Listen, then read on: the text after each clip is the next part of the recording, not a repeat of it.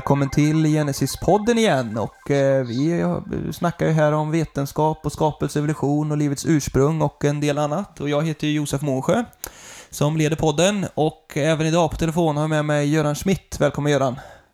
Tack så mycket!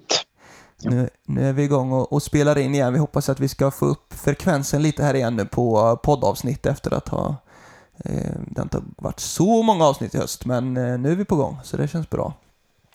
Eh, på gång Göran, vi kan ju bara nämna om det först. Alltså, delvis har vi haft vår konferens, det nämnde vi i förra avsnittet om, och att det kommer ut lite videoklipp eller eh, seminarier inspelade på vår hemsida, kan man gå in, genesis.nu. Men jag vet ju även att du är med och eh, håller på och eh, skriver en bok ihop med några andra, en liten diskussionsbok. Du kan få Precis. berätta lite.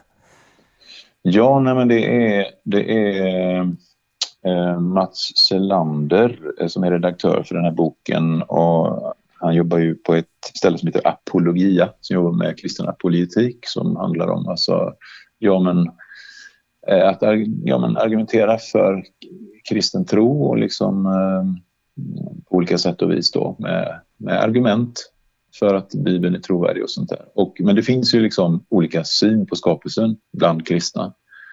Och eh, så att eh, Mats har tagit initiativet till en bok som eh, är den första i en serie som har huvudrubriken Fyra kristna diskuterar. Och det här blir då en diskussionsbok om skapelse och evolution. Då. Så att det är fyra olika eh, synsätt på skapelsen som kommer till tals i den här boken. Och eh, det är, jag företräder då eh, den syn som vi inom Genesis har. Det, det är så att alltså, vi är inte helt enhetliga i hur vi ser på allting utan jag, är, eh, jag svarar ju för mitt perspektiv på det här då, men det stämmer ju överlag överens med Genesis vad vi står för. Sen så är det då eh, så att jag är ju jag kallar mig själv för biblisk kreationist medan andra skulle kalla mig för ungjordskreationist, det vill säga tro på en ung värld och sådär. Eh, sen har vi en kille som heter eh, Christer Renard som är känd. Man kan så snart, snart också gå in och kolla på hans föredrag på vår eh, webbsida. Han medverkar under konferensen. Han är fysiker, bor i Portugal numera. Eh, eh och eh, han eh, skriver utifrån ett, något man skulle kunna kalla om ett gammaljords kreationistiskt perspektiv. Det vill säga att han tror på en väldigt gammal värld men för övrigt så är vi väl ganska överens om det mesta, han och jag. Då. Sen så har vi Sebastian Ibstedt som är, jag vågar inte riktigt säga vad han är, men han, han jobbar i alla fall med molekylärbiologi eh, och eh, han eh, är då mm, Ja, men han, jag tror att han betraktas som en intelligent designvänlig eh, teistisk evolutionist. Det vill säga att han tror att Gud skapar genom evolution men han tror att, att den evolutionen är gudastyrd så att säga. Då. Eh, så att han är väl, välvilligt inställd till intelligent designrörelsen. Då. Sen har vi som fjärde talare, eller författare, så är det Lars Gunther. Han brukar också kalla sig själv för IT-pastorn. Eh, och han är då utpräglad teistisk evolutionist, det vill säga att han, han menar att ja, men allt det som den sekulära vetenskapen uttalar när det gäller skapelsefrågan, det är sant eh, och att Gud finns med på något sätt eh, bakom det hela ändå. Så den här boken då, det börjar med att vi skriver varsitt, eh, alltså jag skriver mitt kapitel till exempel om vad, hur jag tänker, var jag står någonstans. Sen så får jag då tre stycken eh, repliker på det jag har skrivit utav Sebastian Christer och Lars och där de då jag bemöter mitt synsätt. Så. Och sen så får jag tillfälle då att eh, skriva ett bemötande av deras kritik och att avrunda diskussionen. Då. Och sen har vi fyra precis samma upplägg. Då. Så att Sebastian, han skriver sitt kapitel, han får, han får eh, input från mig och Christer och Lars och sen så skriver han ett eget och så sätter de andra. Så det blir en ganska, jag tror en ganska kul grej. Den kommer att komma ut den här i, eh, ja, i december, eh, någon gång under december, innan jul i alla fall. Så att, eh, och som jag sa då, så håll utkik efter den då. Rubriken var alltså Fyra kristna diskuterar skapelse och evolution. Just det. Så, japp. Den här kommer ju säkert bli väldigt intressant tror jag. Jag har inte läst den så jag kan ju inte påstå att jag vet. Men eh, om man inte brukar läsa böcker kring sådana här ämnen så är detta säkert en eh, bra bok. Man får flera perspektiv och de kommer ställas mot varandra liksom. Det är ju väldigt Precis. eh, spännande att man, läsa. får till, ja, men man får tillfälle att själv liksom jämföra de här perspektiven. Oftast så är det ju så att när man läser någonstans så är det antingen Ja, men det kanske, man kanske läser på Genesis webbsida, ja men då har man vårt perspektiv på saker och ting och då säger vi att det som de säger stämmer inte och så vidare. Men de försvarar sig inte på vår webbsida. Och tvärtom också. Så att, men det här är liksom unikt på det sättet att det finns en gemensam plattform, man har lika mycket talutrymme och eh, man kan följa hur resonemanget går och själv ta ställning till vad tycker jag är trovärdigt. Och Så vi tror ju det- att eh, när, när den här podden kommer ut så kommer det vara nära att den här kommer ut va, boken. Eh, Ja, man kommer ju kunna hitta den på. Apologia förlag va, eller hur? Och så även Ja på... men, ja men absolut, absolut och troligen även på... Vi kommer nog att sälja den via vår webbshop också tror jag. Om, om, om övriga, ja, det finns fler föreningar som tycker att det är värt att göra det. Eh, så tror jag säkert det Och också. oavsett så kommer vi göra reklam för den på vår hemsida. Så Ja, ja. håll utkik på så genesis.nu så kommer det finnas information där. Och även då så Mm. tänker vi att det här är ju en riktigt bra julklapp också. Om man har liksom någon i sin närhet som man tänker skulle behöva ställas lite inför de här frågorna. Precis. Och för ett, ganska precis ett år sedan så, så man kan gott knuffa för den också, så gav, gav vi ut en antologi som hette I början skapade Gud. Eh, att en antologi är ju att det är många författare, jag tror det var 9-10 författare som skrev sina respektive kapitel då, till försvar för en eh, biblisk skapelsetro. Då. Där skrev jag själv två kapitel, ett om livets ursprung och ett om evolutionsmekanismerna, alltså argumenten för evolution. Då. Eh, och så andra författare skrev om sina specialområden. Då. Den Så finns att det på... också, den, är också, den finns ju också att köpa, eh, både från Genesis och från Sjöbergs förlag. Så att den eh, är också en eh, given, tycker jag, eh, eh, en julklapp om man är intresserad. Den är Precis. dessutom Så där har, vi lite, där har vi lite tips, så eh, har ni det. Och vi ska sluta göra reklam och gå in på dagens Ja. ämne. Eh, alltså, vi ska ha en liten dubbelavsnitt här nu kan vi väl säga då, om alltså liv och livets ursprung. Och för att tala om livets ursprung så behöver man ju resonera lite om först vad, vad liv är för någonting. Eh, och det kan kännas lite eh, i första anblicken så tänkte jag att ja, men det här blir nog lite filosofiskt, men eh, Göran, du har ju skrivit en väldigt bra artikel om detta i en av våra tidningar som vi ska utgå eh, lite från. Vill man läsa hela artikeln så går man in och kollar på första numret 2019. Det finns upplagt på en hemsida, eller man kan beställa det. Det fick ni lite reklam Precis. till. Men eh, eh, vad är liv då? Alltså, det, det är väldigt spännande Göran. Kan du bara slänga ut någon liten liknelse här först? Mm, Ja, alltså för det första kan man ju lugnt säga att det finns ingen människa som vet vad liv är. Eh, det, det, det finns verkligen ingen som har en susning om vad det är för något.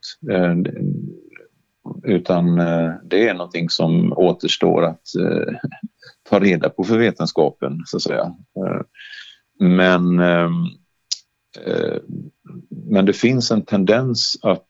eh, jag menar, om, om, om människor, som det ofta framställs i läroböcker i skolan och sånt där, så framställs det som att ja, men forskare idag vet hur livet uppstod. Då kan man säga så här att hur i all sin dar kan man veta det när man inte vet vad liv ens är för någonting. Eh, så.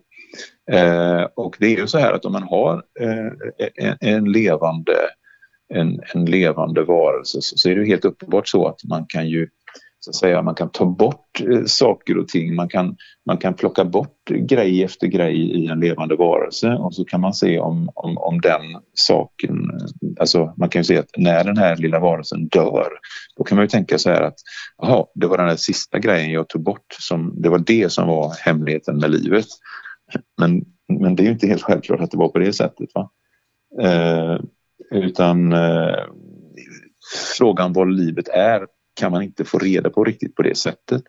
Och, eh, det finns en, en liten tjusig liknelse som jag läste i en bok av en, en vetenskapsfilosof som heter Anthony Flew.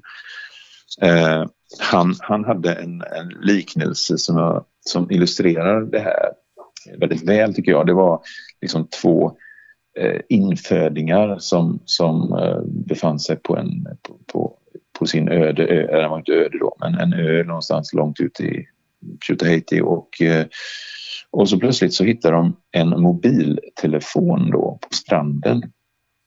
Och eh, eh de tog upp den här och så rätt vad det är, när man bara petar på den där så börjar den prata. Alltså det, börjar kom, det kommer en röst ur den här mobilen. Och, och, och de liksom börjar liksom, de konstatera liksom att kolla här, det finns, det finns en, en, en, en, varelse inne i den här. Nej, det kan det, kan de inte göra. Liksom. Jo, den, det, det, det, finns liv här inne. Liksom, så där, och, nej, det, det, säger den andra, det, det, det, måste vara så här, det kan det inte göra. Eh, det, det, kan inte vara, det, det, måste vara någonting i själva konstruktionen som, som alltså den här rösten här, det, det, måste finnas någonstans i de här delarna som är här då. Eh, nej, säger den andra då. Jo, men jag kan, jag kan bevisa att det är på det sättet. Och så, så, så, tar, så, så tar han och lägger den på en sten och så drämmer han en annan sten i mobilen. Och då upptäcker han att det blir tyst. Den där rösten slutar att prata när man slog sönder mobiltelefonen. Eh, och sen så konstaterar han då, ja ah, kolla, det var precis det jag sa. Det, var, det satt i delarna, det var delarna som gjorde det. Och så, och så går han därifrån med lite triumf i blicken då. Och då är ju, jag menar vi som vet lite om mobiltelefoner, vi, vi inser ju det att den där rösten, den kom ju faktiskt inte från delarna. Men när delarna inte längre funkade som de gjorde så tystnade rösten. Men skälet var ju inte att rösten fanns i delarna. Så att den där parallellen med den här mobiltelefonen och livet självt är ganska talande. För, eh, för eh, lika lite som vi förväntar oss att rösten finns i delarna, lika lite bör vi förvänta oss att livet finns i DNA eller livet finns i proteiner eller någonting sånt. Ja, det är en lite lång utvikning men jag tycker att det var en, en, en talande bild liksom hur, Precis. konstigt vi kan tänka. Den får man klura lite på under tiden. Men ja. du skriver om det med helheter liksom, att vi inte bara kan se på en specifik ja, alltså, del. Det finns, det finns vissa delar som kännetecknar allt liv. Alltså, vi vet inte vad det är, men vi kan ändå säga vissa saker som, som kännetecknar livet. Och eh, en, en sak som det är att eh, man inte kan säga då att livet sitter i DNA, utan Eh, Eh, utan, utan det finns då mängder, mängder med olika delar i en levande varelse där, där varje del är beroende av en mängd andra delar. Så till exempel så är det så att, att DNA, det vet vi ju idag, liksom att det bär livets information. Då. Information om hur allt ska konstrueras, hur allt ska fungera inne i cellen. Då. Men, men DNA i sig är då beroende av hundratals olika proteiner för att kunna skapa kopior av sig själv, vilket händer varje gång en cell delar på sig. Då, då ska det bildas exakt samma DNA ska kopieras så att det blir en exakt kopia. Och då krävs det ett hundratal proteiner som möjliggör det då. Och, som det, och så finns det ytterligare andra som möjliggör att korrekturläser den här kopian så att den blir verkligen som originalet var. Då. Så där ser man liksom hur hur, hur DNA och proteiner är båda nödvändiga för cellens delning. Då. Men sen är det så att för att de där proteinerna som till exempel korrekturläser, för att de ska finnas, ja men då, då, då, då är det så att receptet på dem finns i själva DNA. Eh, så. Så, att, så att de är beroende av DNA och DNA är beroende av, av proteinerna. Sen för att en cell ska kunna dela sig, för att det ska kunna bli en ny DNA-bit eller för att det ska kunna bildas ett protein så krävs det energi. Och då krävs det alltså små, och det, det går inte liksom bara att tillsätta elektricitet hur som helst eller no, någonting annat utan det här kräver en speciell sorts molekyler som bär en precis en exakt eh, liksom, noga doserad mängd energi. Och de där molekylerna kallas för ATP-molekyler. Och de bildas i kolossala mängder. Alltså vi gör av med mer än vår egen kroppsvikt varje dag i de där små pyttesmå ATP-molekylerna som, som möjliggör att vi kan tänka och röra oss och allt detta. Och de molekylerna de bildas i små fantastiska eh, motorer eh, som kallas för ATP-syntaser som man kan gå in på nätet och kolla. Som också består av, alltså det är enorma mängder med, med noga sammansatta proteiner som behövs för att tillverka den här nödvändiga energimolekylen. Och de proteinerna har i sin tur sitt, sitt recept skrivna i DNA. Så där ser man att även de är, är kopplade till varandra. Och sen måste alltihop det här ske inom, inom en förpackning av så kallade lipider, alltså ett cellmembran då, som, som gör att de inte kommer i kontakt med vatten, för vattenmolekyler skulle, skulle förstöra allt, alltihop. Utan de måste på något sätt eh, hålla alla de här livsprocesserna inom eh, i ett slutet rum kan man säga, eller halvslutet rum i alla fall. Då. Eh, så, så, även de eh, molekylerna som bygger upp cellmembranet, de är också beroende av proteiner och DNA för sitt recept. Så, så här finns en mängd helheter, så man kan inte ta någonting och rycka ut i sammanhanget utan det handlar om alltså, helheter då. Just så det. Att, och det, det här och, hänger ju... de, det hänger ihop med nästa ja. begrepp, va? Icke-reducerbar komplexitet. Ja, men precis. Ja, men precis. Alltså, så att det, det, finns en, en, en biolog som är ganska känd som heter Michael Behe som hade en, en, en, eh, helt kortfattat bara, han, han hade en modell av en musfälla, en sån enkel musfälla med en träplatta och en fjäder och lite en bygel på. Eh, och, och, och, så visar han att det är en väldigt eh, avskalad eh, konstruktion. Alltså den är väldigt enkel i sin uppbyggnad men den är beroende av, av de 10-12 olika delar som finns i en vanlig musfälla så är alla nödvändiga. Både till var de sitter någonstans med väldigt liten flexibilitet liksom, och även vilka delar det är, hur de är konstruerade. Och först när alla delarna finns där och de finns plats, då börjar den här musfällan att fånga möss. Dessförinnan kan den inte fånga en enda mus. Eh, och den är då, säger han, då icke reducerbart komplex. Den är komplex därför att alla bitarna finns där på rätt plats och den är icke reducerbar, det vill säga den går inte att, det går inte att ta bort något för då slutar funktionen helt. Och på samma sätt eh, menar han då så finns det mängder med olika strukturer i levande varelser så det här systemet som vi nämnde nyss med att det finns DNA, det finns proteiner, det finns lipider, det finns energimolekyler, alla tillverkas och är kopplade till varandra. Det är ett sånt här icke-reducerbart system. För tar man bort proteiner, ja men då kan inte DNA funka längre. Tar man bort DNA, ja men då kan inte det bildas några proteiner. Tar man bort energimolekyler stannar allting och så vidare och så vidare.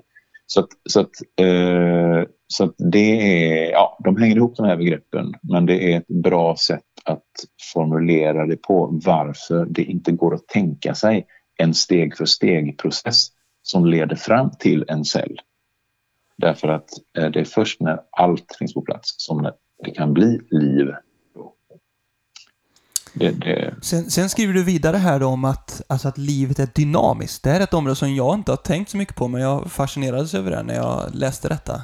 Vad, vad ja, nej, men det? det är för att vi tänker oftast vi tänker i vår värld som vi ser och runt omkring oss, där är ju bordet, vardagsrumsbordet står ju där liksom från dag till dag eh, och är samma och tekoppen och sådär va.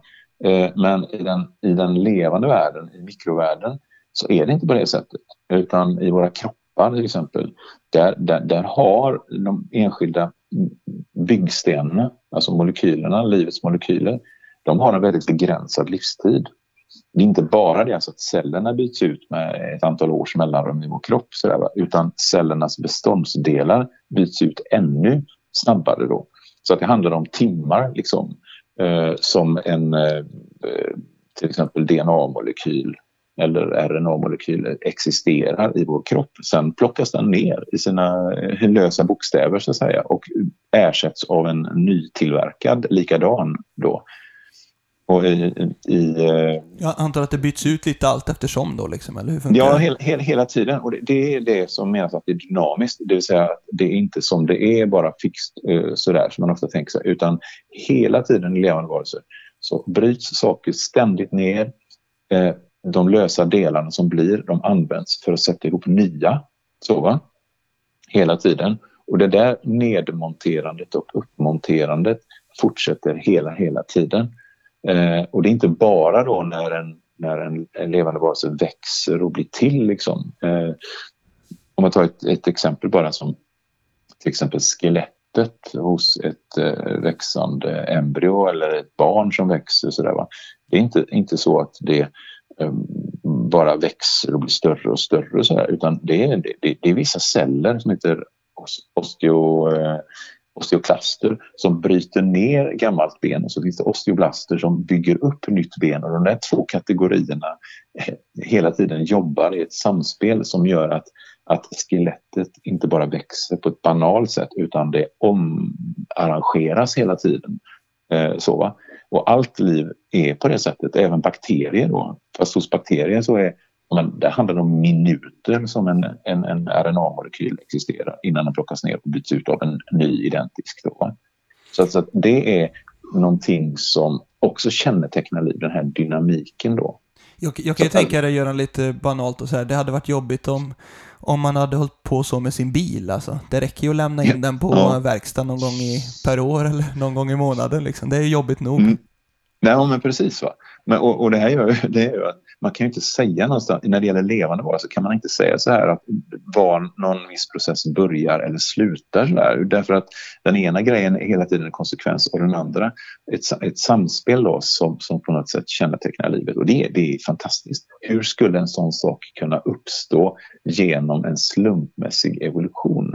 Det är helt barockt därför att de nedbrytande krafterna är lika, li, lika stora som de uppbyggande fast, och ändå blir det resultatet att vi kan sitta här och prata och leva, det, det, är helt svindlande fantastiskt. Jag tänker på när, när det står i Bibeln liksom att Gud blåste livsande in i människan. Var det liksom Precis. det här systemet som han satte igång då, eller hur? Ja, man kan, man kan åtminstone fundera på det. Det är, det, det, det är liksom, vi kan se Jesus tar ju en liknelse om, om liksom den som är född av anden. Det, det är liksom som det vinden blåser i träden och du kan inte se vinden men du ser att träden rör sig och då kan du veta att vinden finns där. Och vind är ju samma ord i hebreiskan som ande, alltså ruach, det vill säga eh, så att någonstans där så är den här dynamiken och de här strukturerna vi ser i den levande världen är på något sätt det är som lövens sus i träden. Vi kan se effekten av livet men inte livet självt på något sätt. Så det är bara det är lite halvfilosofiskt det här. Vi ska ju prata om det här med livets, hur man tänker sig evolutionärt, livets ursprung i nästa avsnitt. Men, mm. men jag bara, alltså jag måste ta frågan här nu då. Alltså det, det känns ju svårt nog att föreställa sig hur proteiner till exempel skulle bildas, men just det här dynamiska systemet som du pratar om här, det måste ju vara det är ju hisnande liksom att tänka sig att alla energimolekyler och, och så vidare ja, skulle finnas ja, på rätt tänker, plats. Liksom. Ja, men det är ju det. Liksom. Du, du, kan, du kan ha... Om vi säger nu att, om att det verkligen... Så är det ju inte då, men antag att det skulle gå att tillverka, rent, hitta metoder och, och som, som man skulle, det skulle kunna sättas ihop både DNA, RNA, och lipider och proteiner och allting. Liksom. Bara samla alla de här molekylerna i precis rätt dos koncentrationer, du samlar dem på ett och samma ställe. Nu då, va? Börjar det leva då? Nej, det gör det inte. Eh, du kan ju ha en, eh, du kan ha en, en, en mus som dog för en millisekund sedan. Eh, ja, men allt finns ju där. Allt som behövs finns ju där. Men den börjar inte leva igen för det. Så att, så att livet Eh, trots att all information finns där, trots att all, alla beståndsdelar finns där, så lever den inte ändå. Eh, livet är något annat som inte går att fånga med hjälp av materiella metoder. Eh, så. Så, så en mus som har dött, den har alltså förlorat det här dynamiska? Ja, no på något ja vis. någonting. Ja, ja, ja, precis. För i samma ögonblick som den dör så, så ja, cell efter cell slocknar liksom, livsfunktionerna upphör och eh, det, det, det är väl sant att vissa celler kan fortsätta och tugga på ett tag till men, men sen så, ja, obönhörligt. När de inte tillförs någon näring och syre så, ja, så inom loppet av några minuter så, så dör de då. Ett annat begrepp eh, som du har skrivit som du ska få ta lite givetvis är ju det här med homeostas också va? Mm. Det är, det är någonting som, det, det är ett konstigt ord men det, det är egentligen eh, Antag att man, att man, antag att man går till godisaffären och köper sig ett halvt kilo sura, supersura karameller och sätter, sig, sätter i sig dem. Då kommer ju det att leda till naturligtvis att, att eh, pH-värdet sjunker i, i, i, blodet. Det blir surt helt enkelt i blodet. Och, eh, och det skulle vara ett livshotande tillstånd.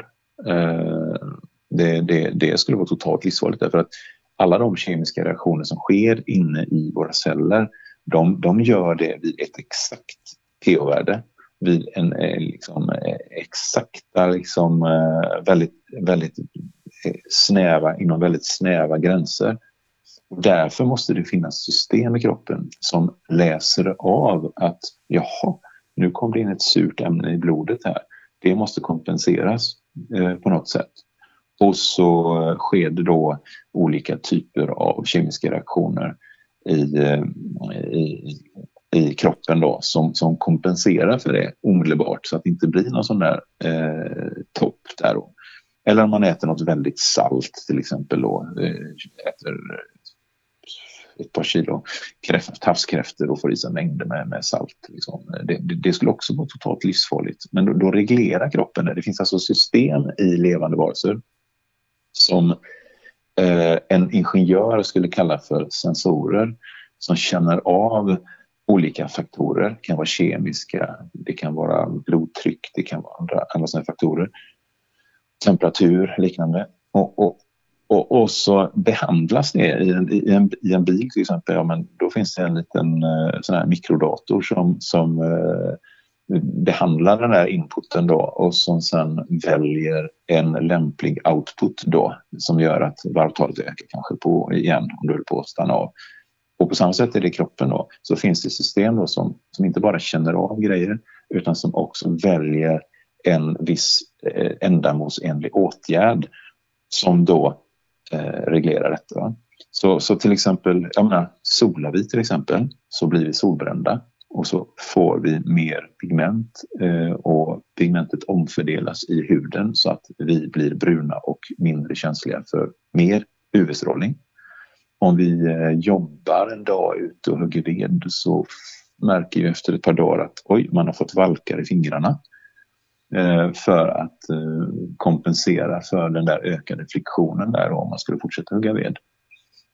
Så alla de här sakerna som sker utan att vi tänker på det och som vi tar för självklara, det är egentligen alltså system som sker väldigt, väldigt ändamålsenligt och, eh, och så. Så att, jag menar, det hade varit helt totalt meningslöst om vi, om vi solade och fick valkar i händerna. Det skulle ju vara en liksom, helt irrelevant eh, åtgärd utan det krävs inte bara rätt saker som känns av utan det måste vara rätt åtgärd som väljs och sen måste den dessutom utföras. Så att alla de här sakerna, det är det som går under namnet homeostas. Alltså att, att levande varelser känner av sin omgivning, svarar på det på smarta sätt och bevarar en sorts balans då som till sin, har till sin uppgift att upprätthålla livet. Eh, det, det kan man, så kan man kalla det. det. Eh, till och med bakterier begår, alltså beter sig häpnadsväckande intelligent när de utsätts för väldigt komplexa liksom, förändringar i sin miljö. Så här. Ja, för jag tänkte just på det, så här, man kan ju förstå när det gäller människor liksom att vi har eh, en avancerad homeostas då, balans och anpassning och sådär till saker och ting som du har nämnt här. Men, men bakterier och sånt, har de också detta? Alltså det är ju bara en ja, det, cell. Ja, det är det de har. Det är det de har. Alltså du, du har till exempel, eh, jag menar om du har till exempel en bakterie, många bakterier har flageller, så de, de, de små propeller som gör att de kan simma åt ett visst håll. De kan simma mot ljuset eller från ljuset eller eh, mot en viss gradient säger man, det vill säga att om det finns mer näring på ett ställe så simmar den åt det hållet eh, och så vidare. Så, att, så att det, här gäller, det här är inget som är unikt för människan utan det här gäller alla levande varelser har de här egenskaperna. Eh, utan, utan möjligen virus då, men virus beter sig smart på andra sätt. Eh, men, eh, mm, brukar inte definieras som liv egentligen. Då. Men eh, så, så det här är helt kännetecknande för allt liv då, oavsett om det då kallas för primitivt då. Det finns inget primitivt liv, men det brukar heta så. Bakterier är primitivare för att de inte har hjärnor och öron som vi har. Så. Finns, så det, det är... finns detta i DNA liksom? Eller vart ligger den här informationen om hur, om hur ja, saker ska regleras? På något sätt så gör det nog det. Och det är, det är ett outforskat område skulle jag säga. Så att eh, det är någonting som, som är väldigt eh, spännande. Det, det, intressanta är ju att utifrån ett evolutionärt perspektiv skulle man knappast förvänta sig den typen av ingenjörsmässiga system i levande varelser. Däremot utifrån ett bibliskt perspektiv där Gud är den, den stora ingenjören så skulle vi förvänta oss att, att hitta liksom oerhört intelligenta system i de levande varelserna. Och det visar sig då att våra ingenjörer eh, har ju då konstruerat ett eh, liksom system för att upprätthålla bilmotorns varvtal till exempel. Då, utan att egentligen vara medvetna om att eh, samma princip finns ju i naturen hela tiden. Så att, eh, så att eh, skapelsen ger alla, eh, visar alla tecken på att vara intelligent designad. Medan, och det är ingenting som är förväntat utifrån ett evolutionärt perspektiv med slumpmässiga förändringar och, och bara naturens lagar som, som styr vad som råkar bli kvar. Jag känner ju mest liksom hisnande och fascinerande är ord som eh, dyker upp i sinnet. Men jag vet inte mer vad jag ska ta för frågor på detta, Göran. Om det är något mer du vill säga kring detta. Men det är ju... Ja, ja. Uh, nej men alltså, det, ska man vara... Eh, ska man vara krass så kan man säga att det räcker att titta på livet, hur det fungerar och titta i detalj på det så kan vi försäkra oss om att det måste finnas en svindlande intelligent designer. Ehm, eh, om det redan är så att när vi tittar på en dator och konstaterar att alla de här delarna som är där, eh, även om de skulle kunna tillverkas eh, genom naturliga processer, varje liten detalj för sig, så skulle det ändå inte förklara helheten, nämligen dator som fungerar. Eh, därför att eh, själva funktionen hos en dator ligger inte i de enskilda delarna utan ligger ytterst i eh, den plan som uppstår i, i konstruktörernas sinnen, alltså i en intelligenta designers, ingenjörers. Det, det, det är deras, eh, all den information som de producerar och som de förverkligar när de sätter ihop och specificerar alla de här delarna. Det är det som är då gör att datorn eh, vittnar om en eh, intelligent skapare, eller många. På samma sätt när vi ser på, på le en levande cell som är svindlande mycket mer komplex och fantastisk i sina system än vad en dator är, då borde vi rimligen tänka precis på samma sätt. Det här vittnar om skaparen. Eh, det vittnar inte om slump, det vittnar inte om årmiljarder, det vittnar inte om naturens egna lagar på något sätt, utan det här är någonting som går utöver det. Det vittnar om en svindlande intelligent skapare som skapade med en avsikt eh, både bakterier och människor. Det, det, är väl någon sorts slutkläm eh, på det här resonemanget, tänker jag, från min sida.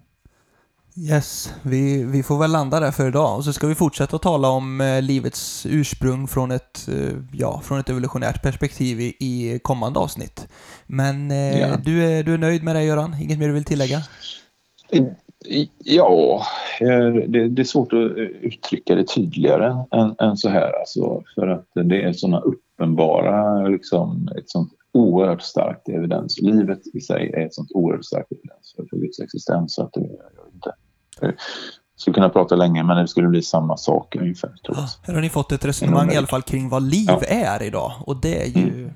ja, fascinerande och hisnande. Eh, säger nog jag tror jag. Men eh, tack så mycket Göran för detta.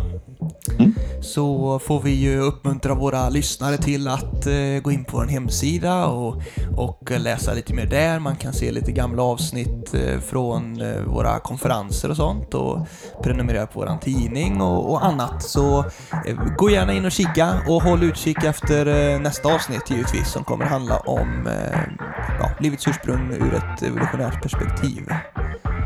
Tack så mycket. Hej då på er.